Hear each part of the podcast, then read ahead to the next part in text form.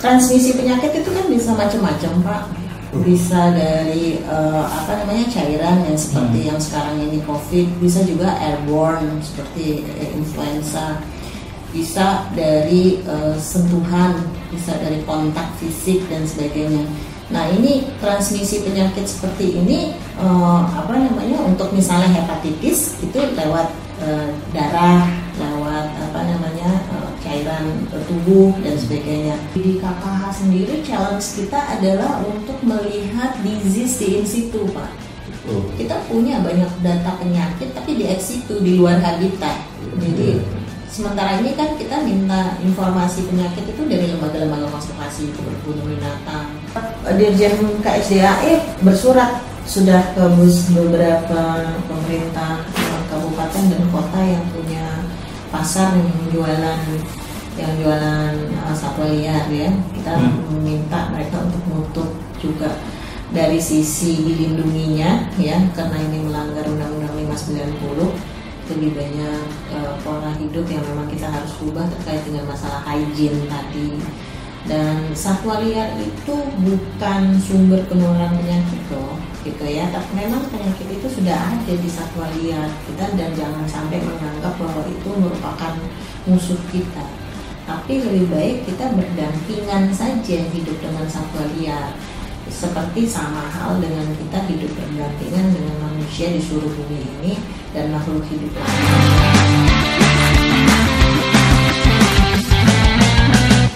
Halo Sobat Konservasi, uh, kembali lagi dalam Bincang Hutan Tropis bersama TFSA Sumatera. Kali ini saya Yuda. Dan saya Samedi Nah Pak, uh, pada hari ini kita akan ngobrolin soal tema yang menarik nih Pak, soal uh, COVID-19, zoonosis dan konservasi satwa liar. Nah, uh, hari ini kita kan sudah kedatangan narasumber yang yang yang seorang narasumber perempuan yang handal dan kece Pak. Siapa beliau Pak? Beliau adalah Ibu Dr. Hewan Indra Eksploitasia. Beliau seorang konservasionis dan juga ahli mengenai satwa liar. Uh, beliau saat ini menjabat sebagai Direktur Konservasi Keanekaragaman Hayati di Kementerian LHK. Selamat pagi Bu.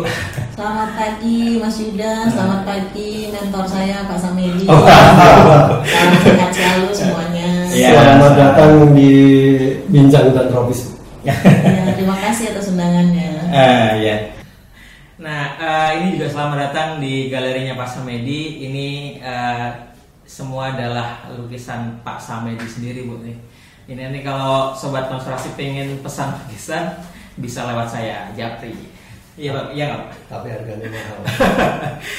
Oke, Bu. Uh, sebelum langkah ke diskusi, uh, saya ingin tanya sedikit uh, dong, Bu. Ini tentang um, nggak nggak mungkin kait ada kaitan sedikit dengan uh, topik hari ini. Uh, jadi ketika hari ini kita pandemi, uh, hal positif apa sih bu yang uh, kegiatan positif apa yang ada di dalam masa-masa uh, pandemi dan itu jarang sekali ditemukan ketika uh, hari biasa atau tidak ada pandemi?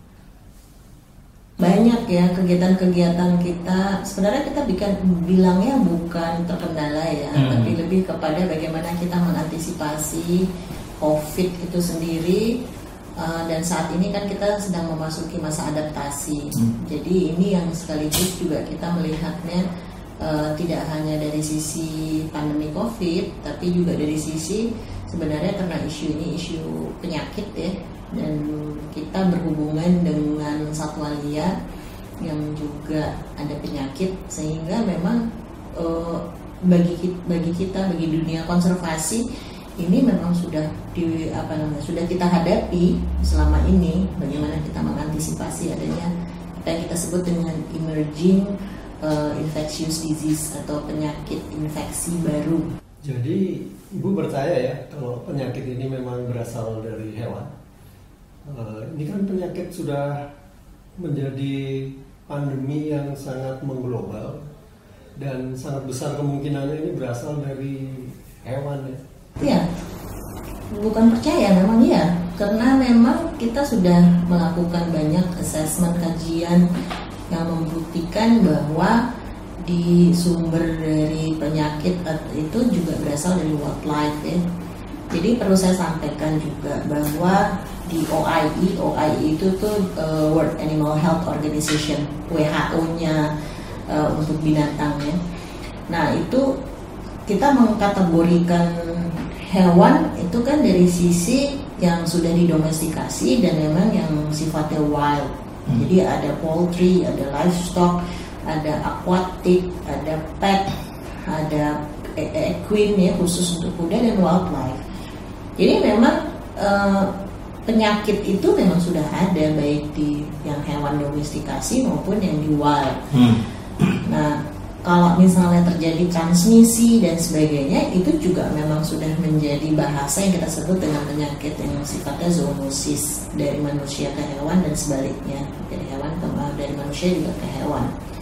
Nah, kalau kita bicara COVID kita masih belum tahu sifatnya itu zoonotik atau tidak. Ini yang menjadi uh, apa namanya uh, critical issuesnya. Apakah dia nanti menjadi zoonosis? Nah pertanyaannya seperti itu sekarang karena penularannya kan dari human to human iya oke baik bu tadi bu menjelaskan mengenai zoonosis tolong jelasin dong bu apa itu zoonosis Oh iya iya. Kadang-kadang kita suka lupa, suka lupa bahwa orang tuh udah paham semuanya. Yeah. Jadi di istilah kita ada penyakit yang disebut penyakit zoonosis adalah penyakit yang di, bisa ditularkan dari manusia ke hewan dan sebaliknya dari hewan ke manusia. Nah untuk dari satwa liar ada beberapa penyakit yang memang sudah terdeteksi menjadi uh, penyakit zoonosis, misalnya hepatitis hepatitis itu banyak terjangkit di primata dan juga ada yang di manusia. Jadi ini sumber penyakit dan kemudian penularannya terhadap hepatitis bisa dari primata ke manusia maupun dari manusia ke primata. Itu untuk di primata. Di primata tuh ada banyak tuberkulosis, hepatitis hmm. itu itu penyakit-penyakit zoonosis. Untuk di burung misalnya kita kenal dengan avian influenza. Hmm walaupun H5N1 memang banyak di, di, di apa namanya di burung tapi dia juga berpotensi menularkan ke manusia juga dengan sifat virus H HN-nya. Nah, juga misalnya psitakosis. Psitakosis itu penyakit yang memang ada di paru bengkok. Gejalanya mirip dengan tifus di manusia. Hmm. Itu juga zoonosis. Dan banyak penyakit-penyakit yang memang penularannya memang berasal dari manusia ke hewan juga hewan ke manusia itu yang disebut dengan zoonosis. Hmm. Nah kalau kita bicara COVID, SARS SARS-2 ini memang dari kelelawar ada hmm. di kelelawar bukan dari ya maksud saya ada di kelelawar dan ini bukan berarti mutasi terus kemudian menyebar menjadi uh, COVID-19 sekarang ini karena kita memang belum tahu karena dia memang belum tahu kita bersifatnya ini zoonosis atau tidak. Hmm. Tadi Bu Indra sempat bilang ada TBC dan hepatitis. Nah, apakah kalau manusia kena uh, penyakit uh, serupa TBC dan hepatitis tadi dan berinteraksi dengan satwa liar, uh, apakah penyakit yang sama itu bisa tertular kepada misalnya gajah kayak gitu atau hewan yang lain, Bu? Ya, kalau Hep sama TB itu biasa di primata ya. Hmm. Kalau misalnya di gajah itu yang kita sekarang yang masih temuan masih baru yang masih kita belum di, belum lapor ke OAI adalah justru rabies. Hmm. Di beberapa tempat ada ada rabies di gajah dan kemarin juga ada kasus di Waikambas kita juga melakukan imunisasi akhirnya kepada petugas-petugas untuk uh, mencegah terjadinya penularan rabies dari gajah ke manusia. Jadi hmm. spesifik ya, jadi kita tidak bisa bilang bahwa HEP itu kepada semua wild animal. Hmm. Jadi untuk primata ya seperti itu.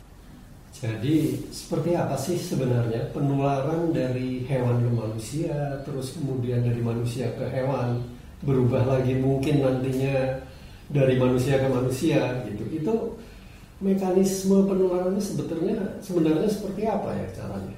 Iya, transmisi penyakit itu kan bisa macam-macam pak. Hmm. Bisa dari uh, apa namanya cairan yang seperti hmm. yang sekarang ini COVID, bisa juga airborne seperti influenza, bisa dari uh, sentuhan, bisa dari kontak fisik dan sebagainya.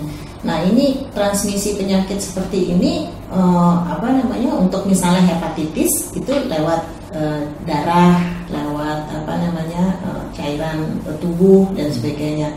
Tidak tidak memang langsung kontak fisik langsung bisa hmm. terjadi penularan. Jadi sebenarnya penularan yang namanya ada yang disebabkan oleh virus, ada yang disebabkan oleh bakteri. Tergantung bagaimana cara cara mereka ber, ber apa namanya men, beredar gitu ya transmisi penyakit hmm. itu ada macam-macam hmm. gitu pak tergantung dari penyebabnya. Ya. Nah kalau TBC atau hepatitis itu kan tadi menular dari hewan ke manusia atau sebaliknya. Itu karena reseptornya sama. Jadi eh, penyakitnya itu sendiri atau faktor penyebab penyakitnya itu sendiri itu masih yang itu itu juga.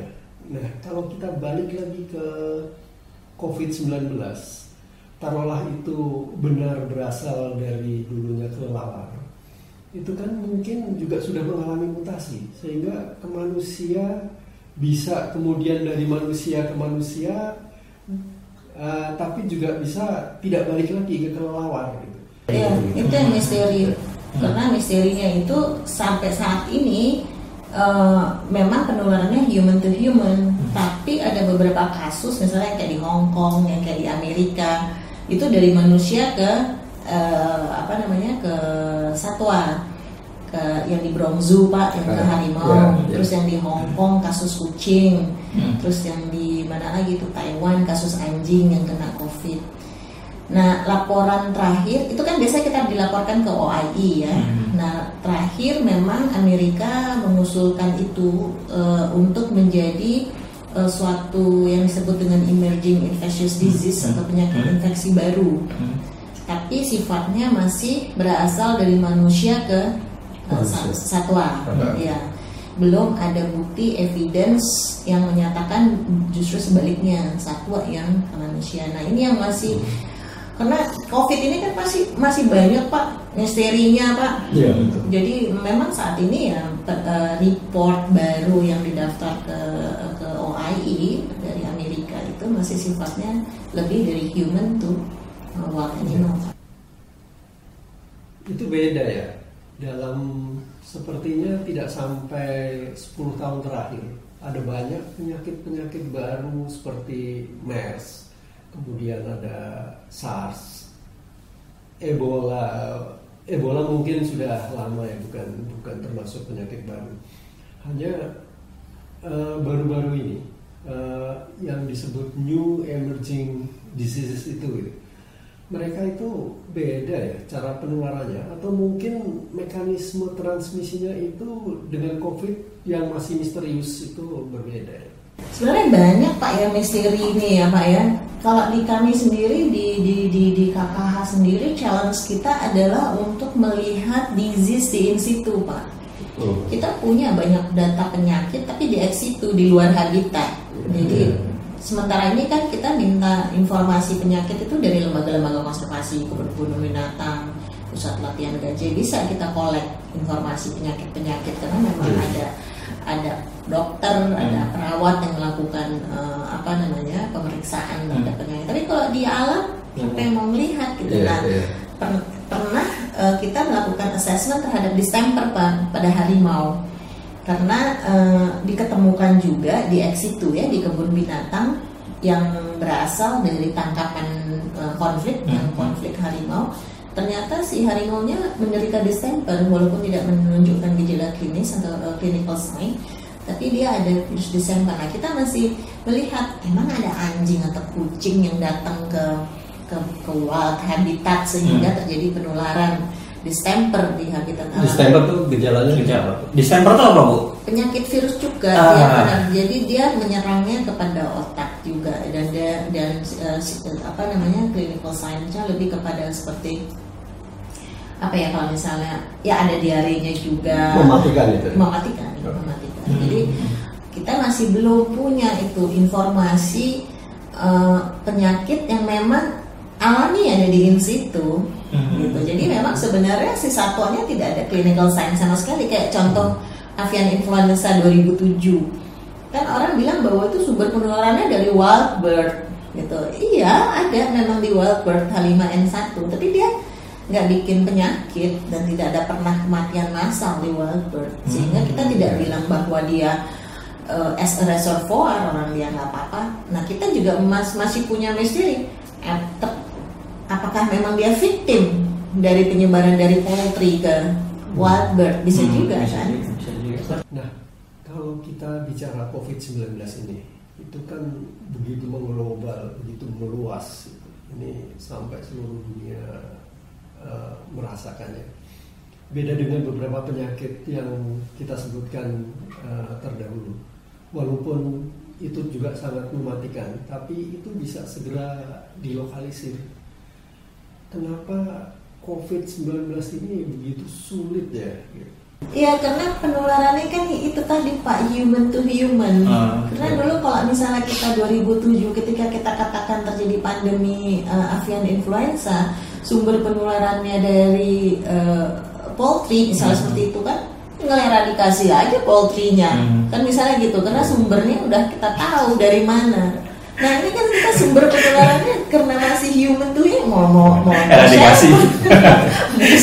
itu cara-cara korut tuh bisa sumber penularannya Nah, kita masih eh. belum tahu seperti apa. Eh, Jadi, Ya, jadi yang bisa di lockdown ya. yang benar. jadi artinya kan kita harus mempelajari dari sisi epidemiologinya Iya, ya. Tracing itu sangat penting. Hmm, Jadi hmm. ketika kita lihat bahwa ada orang yang bergejala dan sebagainya, ya harusnya itu yang di tracing dari mana dia sebenarnya Hmm. sumbernya dan sebagainya. Tapi ini kan sebenarnya akhir Desember 2019 sudah diketahui ada ada eh, penyakit baru ini Betul. gitu dari dari dulu namanya novel eh, kor- eh, coronavirus nama kita masih Iya. belum Ah. ketemu nama COVID-19 saat betul itu. betul betul Eh, sebenarnya Bu Indra kalau kita telisik lagi eh, sebenarnya ada hal unik nih di mana dari beberapa penyakit yang disebutkan Pak Sam dan Bu Indra dari SARS kemudian eh, COVID-19 kemudian Ebola itu ada satu binatang yaitu kelelawar yang menjadi host eh, baik dia secara langsung maupun tak langsung misal dari kotorannya atau bahkan ada yang mengkonsumsinya secara langsung kayak gitu Sebenarnya ada apa sih Bu dengan kelelawar ini? Kalau ditanya ada apa dengan kelelawar nggak ada apa-apa. sebenarnya ada tiga sebenarnya eh, spesies yang memang apa namanya potensial banget. Rat, rodent, sama bat. Jadi apa eh, eh, bat, rodent sama primate sorry. Jadi tiga tiganya Hmm. primate untuk dari sisi banyak terjadinya apa namanya zoonotic disease Hmm. ya. Rodent, tikus-tikusan dan sebagainya ini kita Hmm. belum nyambah loh. Ya. Hmm, Itu. Padahal itu di sekitar kita Bu. ada di sekitar kita nah, bed bed ini ya memang karena dia sebagai apa namanya ya eh, satwa yang sangat jauh sekali dia bisa terbang dari satu negara ke negara lain sehingga potensial untuk transmisi penyakitnya juga juga Lebih besar. mungkin lebih besar Kalau melihat penyakit-penyakit itu, tadi Bu Indra menyampaikan ada new emerging infectious diseases. Juga ada penyakit-penyakit yang saya baca beberapa hari yang lalu yang mungkin juga itu merupakan penyakit purba atau penyakit yang ribuan jutaan tahun lalu itu ada kemudian muncul lagi. Itu yang kata orang disebut sebagai re-emerging infectious disease gitu. Itu itu gimana bu? Eh, ya tadi Pak. Sebenarnya misteri itu tadi kan sebenarnya kita melihatnya apakah memang dia gini kalau kita sebut dengan re-emerging infectious disease sebenarnya itu lebih kepada eh, menurut kami ya dari dari sisi banyak jurnal yang menyebutkan terjadinya mutasi virus tadi itu Pak ketika kita sudah mempunyai kekebalan atau imunitas terhadap satu satu penyakit dan kemudian kita biasa aja pada saat penyakit tersebut nah terjadi lagi mutasi virus. Nah itu yang disebut dengan yang re-emerging infection jadi terjadi perubahan-perubahan yang menyebabkan tidak ada imunitas lagi di kita sehingga kita menjadi kena lagi terhadap Ya, yang tadinya sudah dinyatakan Iya. tidak ada gitu kemudian Sebenarnya- karena banyak loh pak informasi OTG ya orang tanpa gejala. Kalau menurut kami sih ternyata dia udah ada kekebalan loh ini di sini. Iya. Jadi artinya kan sebenarnya kita nggak perlu khawatir juga dengan dengan informasi ini ya. Uh, artinya uh, bahwa orang makin banyak yang mempunyai kekebalan terhadap hmm, COVID-19. Sebenarnya ini ya informasi bagus juga sih kalau menurut kami. Mudah-mudahan. ya, tapi kalau kita kembali ke re-emerging infectious diseases itu tadi ya, apa penyakit yang kembali lagi, penyakit lama yang kembali lagi. Ada yang mengatakan perubahan iklim ini bisa menjadi pencetusnya.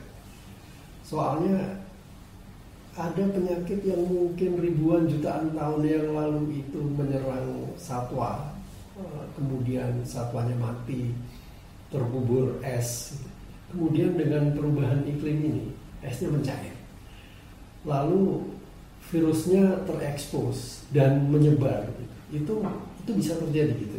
Bisa aja sih Pak, segala kemungkinan tuh bisa aja. Banyak sekali ya apa namanya dugaan-dugaan terhadap munculnya PIB penyakit hmm. infeksi baru atau EID kalau bahasa bahasa Jawanya ya hmm. emerging infectious disease ini karena uh, itu tadi uh, inform uh, epidemiologinya ini yang kita mesti mesti apa namanya mesti benar-benar kita pelajari seperti apa karena kalau penyebab misalnya perubahan iklim atau misalnya karena uh, ada apa informasi terkait dengan kebakaran dan sebagainya ya ya wajar-wajar aja orang bisa ya. menduga-duga ya. seperti itu pak tapi kemungkinannya iya, saja ya iya pak ya.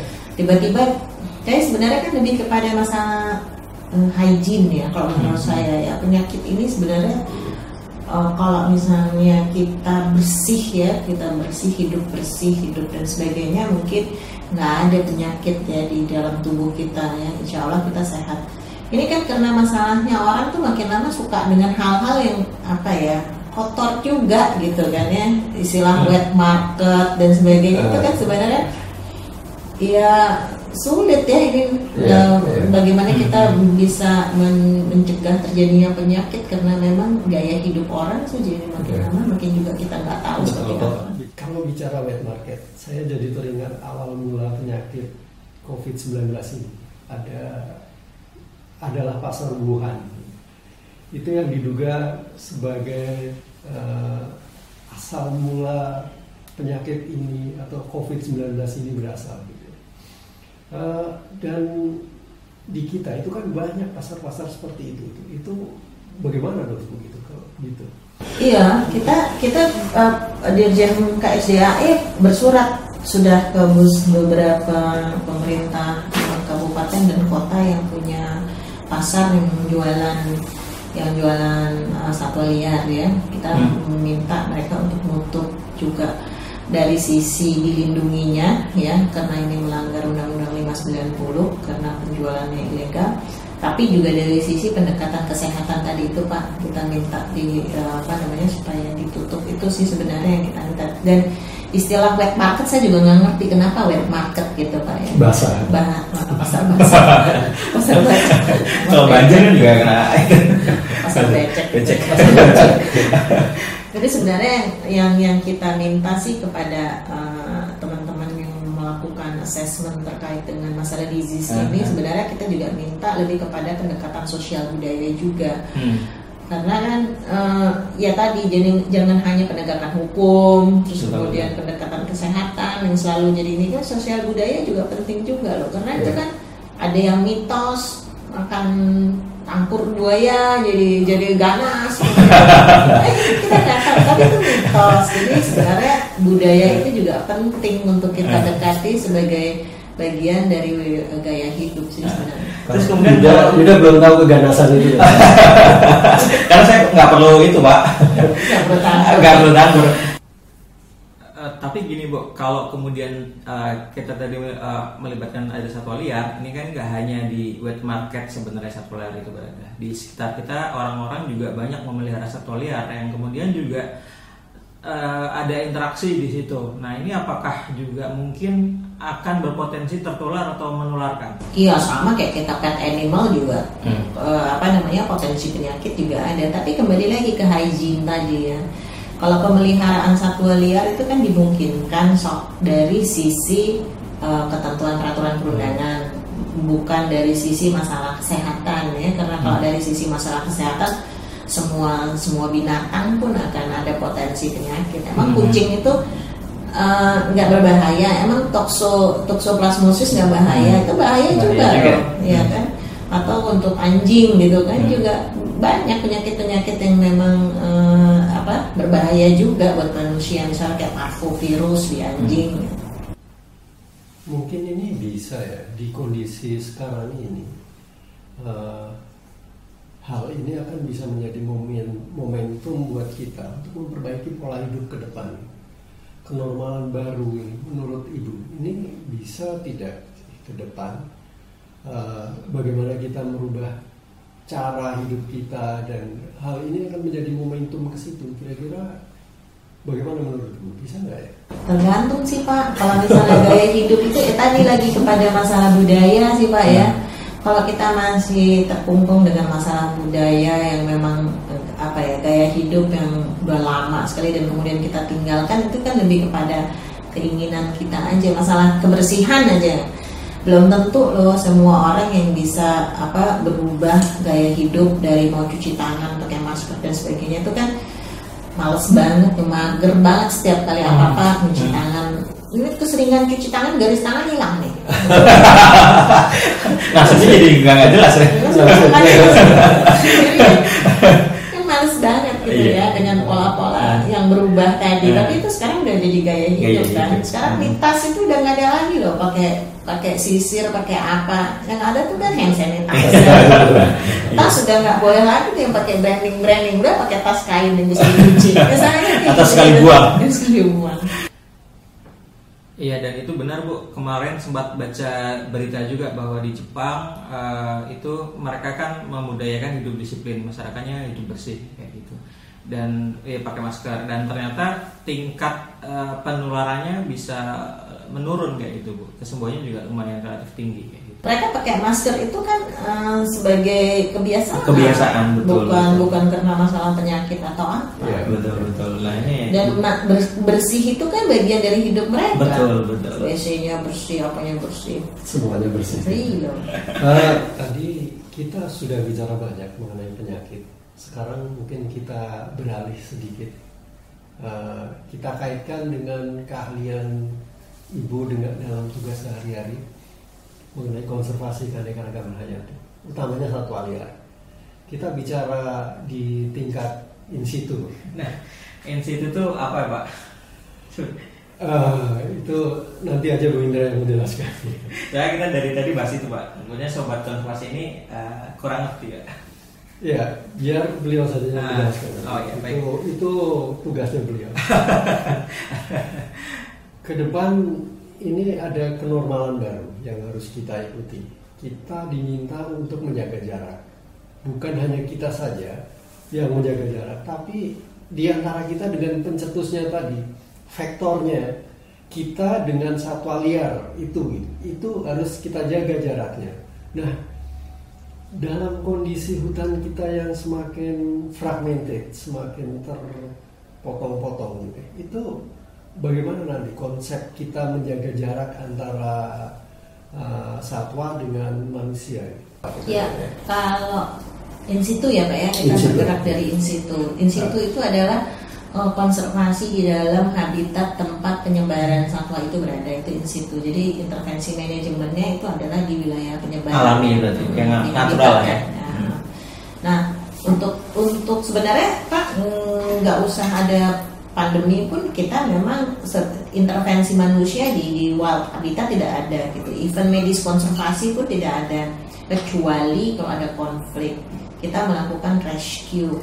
Rescue itu sendiri pun tidak tidak dalam konteks handling. Jadi artinya kita melakukan pembiusan dari jarak jauh, kemudian translok kita rilis kembali.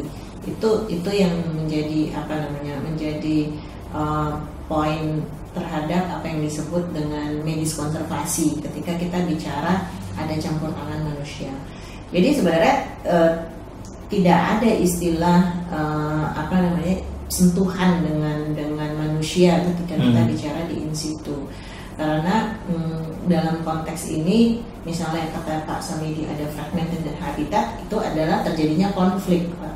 Jadi, nah konflik ini ditanganinya seperti apa? Ditanganinya tadi Pak. Jadi istilah medis konservasi adalah tidak ada ada perlakuan kontak fisik dengan dengan. Kalau dari sisi masyarakatnya sendiri atau dari sisi pemerintah itu apa? Sebetulnya kan bagaimana sebenarnya caranya agar manusia itu tidak terlalu dekat dengan satwa di habitat Iya. itu. Itu kami dari dari sisi pemerintah sebenarnya ingin mendorongnya itu Pak eh, dalam hal penataan ruang yang harmonis Pak. Eh, jadi supaya bisa ada satu apa namanya master plan besar terkait dengan penataan ruang. Jadi kami sekarang ini lagi mencoba untuk mendekati ATR BPN dalam hal ini karena hampir 80% itu satwa itu tidak berada di dalam kawasan konservasi. Dia itu kan ada di di, di luar kawasan konservasi bisa di hutan produksi, bisa di hutan lindung maupun di APL. Kalau di hutan produksi dan di itu bisa di internal KLHK sendiri. Tapi kalau misalnya di hutan lindung kami harus berkoordinasi banyak dengan pemerintah daerah dengan dengan di, misalnya APL juga juga kita banyak koordinasi dengan pihak-pihak lain pemilik HGU dan sebagainya. Nah ini yang memang eh, kerja kerja berat kita juga sih Pak, gimana caranya mengharmonisasikan eh, ruang Oke. ini. Kita bisa panjang lebar Bu sebetulnya kalau mau membicarakan masalah ini. Kalau gitu gini, itu tadi di insitunya. Memang banyak sekali PR kita untuk menyelesaikannya. Ini lagi-lagi soal momentum sebenarnya Eh, untuk kita lebih mengintensifkan bagaimana kita bisa memberi edukasi kepada semuanya, bukan hanya pada masyarakat, tapi juga pemerintah daerah dan sektor swasta. Kita beralih sekarang tadi di in situ coba sekarang kita uh, ngomongin mengenai ex situ. Itu Bapak udah lupa. Pokoknya ingat aja dari situ gitu. Uh, itu tadi kan kita menjaga jarak ya. Tapi satwa-satwa di habitatnya kalau yang di luar habitatnya bagaimana? Habitatnya Iya, situ kayak situ kan dan- kayak kebun-kebun binatang sebenarnya sudah Iya. ada himbauan dari dari ada edaran dari Dirjen KSDAE kepada Hmm. pengelola eh, kebun binatang, nah, eh, apa namanya yang taman satwa dan sebagainya untuk tidak meniadakan dulu atraksi satwa Hmm. yang langsung berinteraksi dengan pengunjung, Hmm. misalnya ngasih ngasih makan langsung dan sebagainya. Nah itu tadi kembali lagi ke, ke gaya gaya gaya kita yang dulunya udah terbiasa dan sebagainya. Nah, di, di, di beberapa tempat di kebun binatang sudah melakukan eh, apa namanya eh, melaksanakan himbauan yang di, Hmm. di, di- diberikan oleh Dirjen KSDA tidak mengadakan lagi atraksi eh, satwa dengan pengunjung yang langsung. Misalnya kayak di Taman Safari kemarin kami melihat bahwa mereka sudah tidak ada lagi misalnya naik gajah dan sebagainya. Nah itu juga sudah sudah kita lihat bagaimana pengelola kebun binatang sudah siap dengan dengan konsep-konsep itu. Physical distancing juga itu. Iya. dengan satwa tapi ini. Dengan satwa Iya. antara manusia dan satwa gitu. Ini berarti udah dibuka lagi bu ya untuk kebu, eh, kebun binatang tempat ya tergantung kan dengan keputusan dari gubernur, maksudnya pemerintah provinsi setempat. Hmm. Ada yang masih tetap PSBB, ada yang memang udah buka. Kayak gitu. Jawa Barat sih udah buka. Sepanjang dia bisa mengikuti protokol Iya. itu. Ya. Karena kalau nggak dibuka juga kalau kebun binatang juga bagaimana kemudian satwa-satwa ini dapat bisa makan kalau Iya. nggak dibuka juga. Jadi kayak misalnya gini anjuran anjuran pemerintah daerah itu kan misalnya 50% pengunjung. Kalau Hmm. kami melihatnya tidak hanya 50% pengunjung tapi Hmm. dari kapasitas yang ada. Hmm. Jadi misalnya jumlah pengunjung bisa 3000 terus menjadi 1500 itu kami lihatnya tidak begitu. Sebenarnya kapasitas pengunjung yang bisa di situ berapa? Ternyata hanya cuman cuman 1000 1000. Hmm. Jadi kita mintanya justru 500 aja Hmm. yang masuk ke sana. Jadi bukan dari sisi jumlah pengunjung, Hmm. tapi dari sisi capacity-nya, Pak. kapasitas, ya, oke. Ini Apa itu karya Daya dukung daya tampung sahanwi dukung sahanwi tampung. Jadi eh, mungkin ini tidak terlalu terkait dengan konservasi ex situ dan in situ itu sendiri bu, tapi ini lebih kepada bagaimana kawasan konservasi in situ itu bisa memberikan added value kepada masyarakat sekitar, misalnya ekowisata. Lalu bagaimana ke depan nanti aturan berwisata itu uh, diterapkan di kawasan konservasi, Bu? Kalau sama, sama dibikinnya seperti itu. Kita lebih banyak sekarang ini tidak melihat dari jumlah pengunjung, tapi lebih kepada carrying capacity dari dari yeah. dari tempat itu untuk bisa hmm. menampung jumlah wisatawan. Hmm. Dan juga jarak dari sisi waktu juga. Iya, gitu. kota itu jadi tidak berdasarkan lagi dari jumlah Ya. Tapi ini justru kayaknya kitohnya ekowisata memang di situ sebenarnya Pak ya? Iya ya. betul, gitu. Jadi sehingga mungkin ya ini momentum lagi untuk mengembangkan lebih baik lagi, lebih intensif lagi ekowisata ya. berbasis satwa juga. Gitu. Iya, lebih sebenarnya kalau misalnya dimungkinkan sih kayak di luar negeri mm, bayar mahal tapi kita dapat kenyamanan ya daripada kita bayar murah tapi um, mass tourism gitu gitu kan ya. Hmm. Hmm. Yeah. Kembali ke jaga jarak tadi, seperti misalnya di kebun binatang. Tapi sebenarnya sekarang ini orang lebih merasa prestisnya naik. Kalau dia memelihara satwa-satwa yang sudah langka di rumahnya. Kalau dari sisi polisi pemerintah atau dari sisi pengaturan sebenarnya seperti apa? Uh, kan pasal ini juga yang buat undang-undang. Dibalikin. Ini ini tak tamu kita ya sebenarnya dimungkinkan di undang-undang gitu kan pak ya untuk melakukan pemeliharaan ini ada saya bawa teman juga di sini Mas Irfan ini sekarang lagi mencoba untuk membuat mandat TPP 8 permen kesenangan. Hmm. Nah, permen kesenangan ini kan belum ada tuh Pak diatur di dalam uh, belum belum. Nah ini sekarang kami lagi menunggu survei. Jadi ini Mas Ipan ini lagi mendapatkan uh, tanggapan dari masyarakat ya. Sebenarnya kesenangan itu apa sih? Mendapatkan apa sih yang disebut dengan kesenangan? Hobies-hobies yang untuk yang hmm. memelihara. Kita kita lagi pengen dapat ini dulu dapat pandangan dulu dari dari masyarakat sebelum kita membuat uh, apa namanya aturan terkait dengan permen kesenangan ini apa yang harus dilakukan terlebih dahulu oleh masyarakat sebelum mereka se seharusnya memelihara satwa yang notabene kita sudah membahas mengenai peluang atau risiko orang yang memelihara hewan itu di di dekatnya atau di rumahnya itu kan risikonya besar ya, penularan terhadap penyakit zoonosis. Tadi Pak, tadi kembali ke masalah pendekatan tadi, kita nggak bisa sekarang ini hanya pendekatan kesehatan, pendekatan hukum dalam hal merubah, hmm. tapi lebih kepada masalah sosial budaya tadi, lebih kepada masalah gaya hidup dan hmm. sebagainya. Hygiene.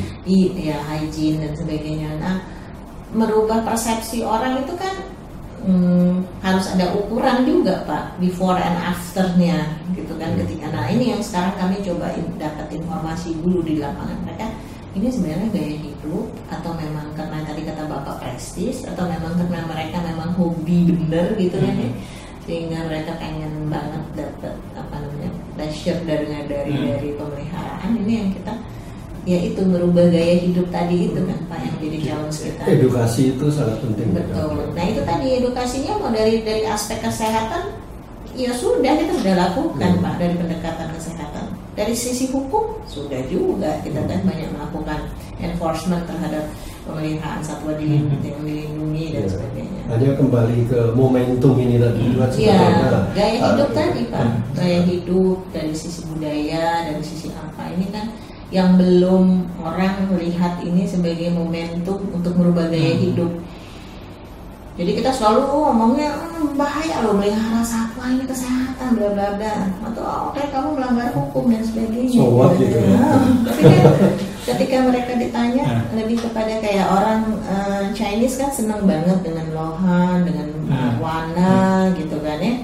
Kenapa? Karena membawa keberuntungan dengan itu kata nggak pernah tuh kita dengar mereka seneng apa pelihara peliharanya gitu kan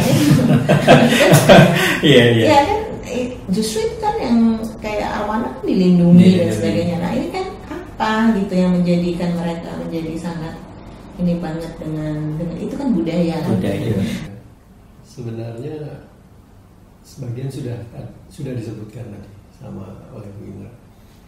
Tapi dari sisi pemerintah ini ada ketentuan mengenai new normal. Kemudian kita harus menggalakkan budaya hidup bersih dan sebagainya. Atau ada nggak rencana atau mungkin sudah ada dari dari kantor uh, pemerintah atau KLHK mengenai aturan atau polisi dari kementerian yang yang mengatur mengenai ini, yang apa memberikan memberikan uh, arahan atau apa terhadap new normal dan dan uh, bagaimana menghindari penyakit ini dari satwa liar. Polisi dalam konteksnya surat edaran, Pak. Kami sudah membuat surat edaran dari Pak Dirjen KSDAI kepada seluruh pemangku yang namanya e, mereka yang punya usaha terkait dengan satwa liar, lembaga konservasi, penangkaran dan sebagainya. Beberapa ada dua surat edaran yang kami terbitkan uh, terkait dengan bagaimana uh, di tengah pandemi COVID ini masyarakat diminta dari ya itu tadi ya ke penangkar dan ke lembaga konservasi ke pengedar. Artinya yang memang uh, apa terkait dengan penyelenggaraan tata kelolanya satwa itu dalam hal uh, apa namanya manajemen manajemen uh, kelola satwa liar. Itu sudah sudah ada surat edaran. Tapi hmm, apa namanya intinya sih memang lebih bersifat himbauan untuk melakukan ya itu tadi pak biosecurity, biosafety dan sebagainya itu. Baik, Yun masih ada lagi? Oh iya pak, kalau dari saya sekalian disimpulkan ya. nggak usah disimpulin pak, biar sobat generasi yang menyimpulkan. Nah, menurut Ibu, hmm, dengan cara kita hidup sekarang ini, misalkan cara hidup yang masih eksploitatif, uh, ini tuh di kemudian hari atau di masa depan apakah memungkinkan muncul uh, pandemi baru? Mungkin lah ya, menurut saya juga bukan pernah ya.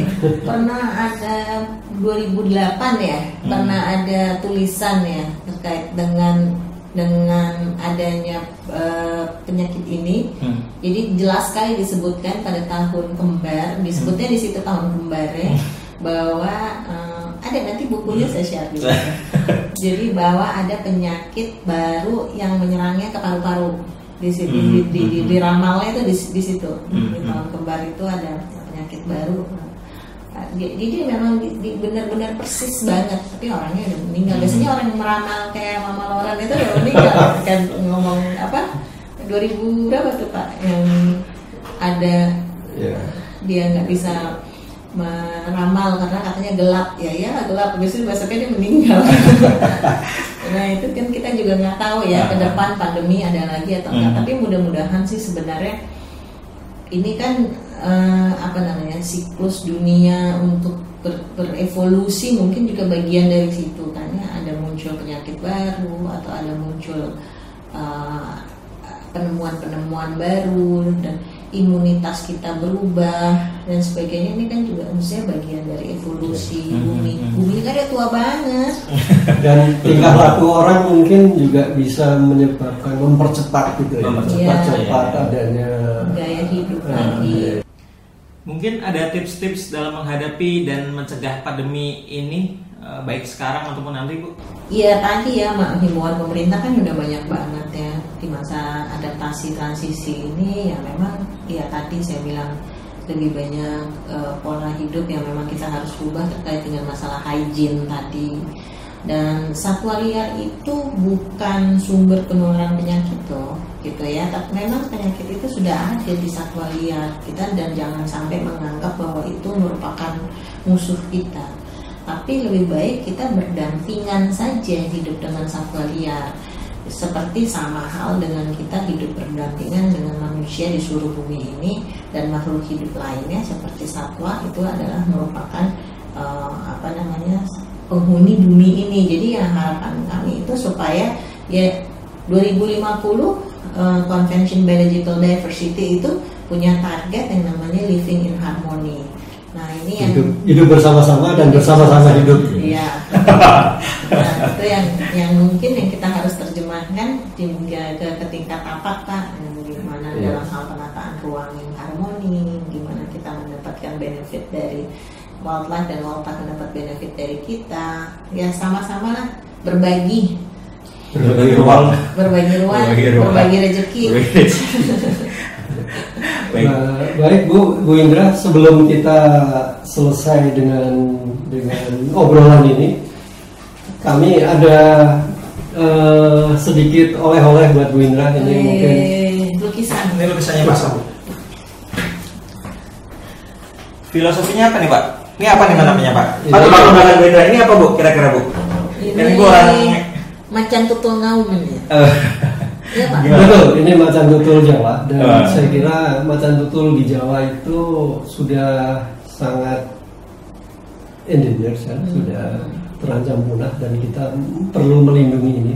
Jangan sampai nanti kita hanya punya gambarnya saja gitu. Tapi Ya, Pak. di di alam tetap Mari sama-sama kita jaga Pak. betul Mari kita sama-sama. Eh, terakhir dari saya, selamat ber- bertugas Ibu. Terima kasih. Semoga selalu sukses dan Sama-sama Pak. Terima kasih banyak.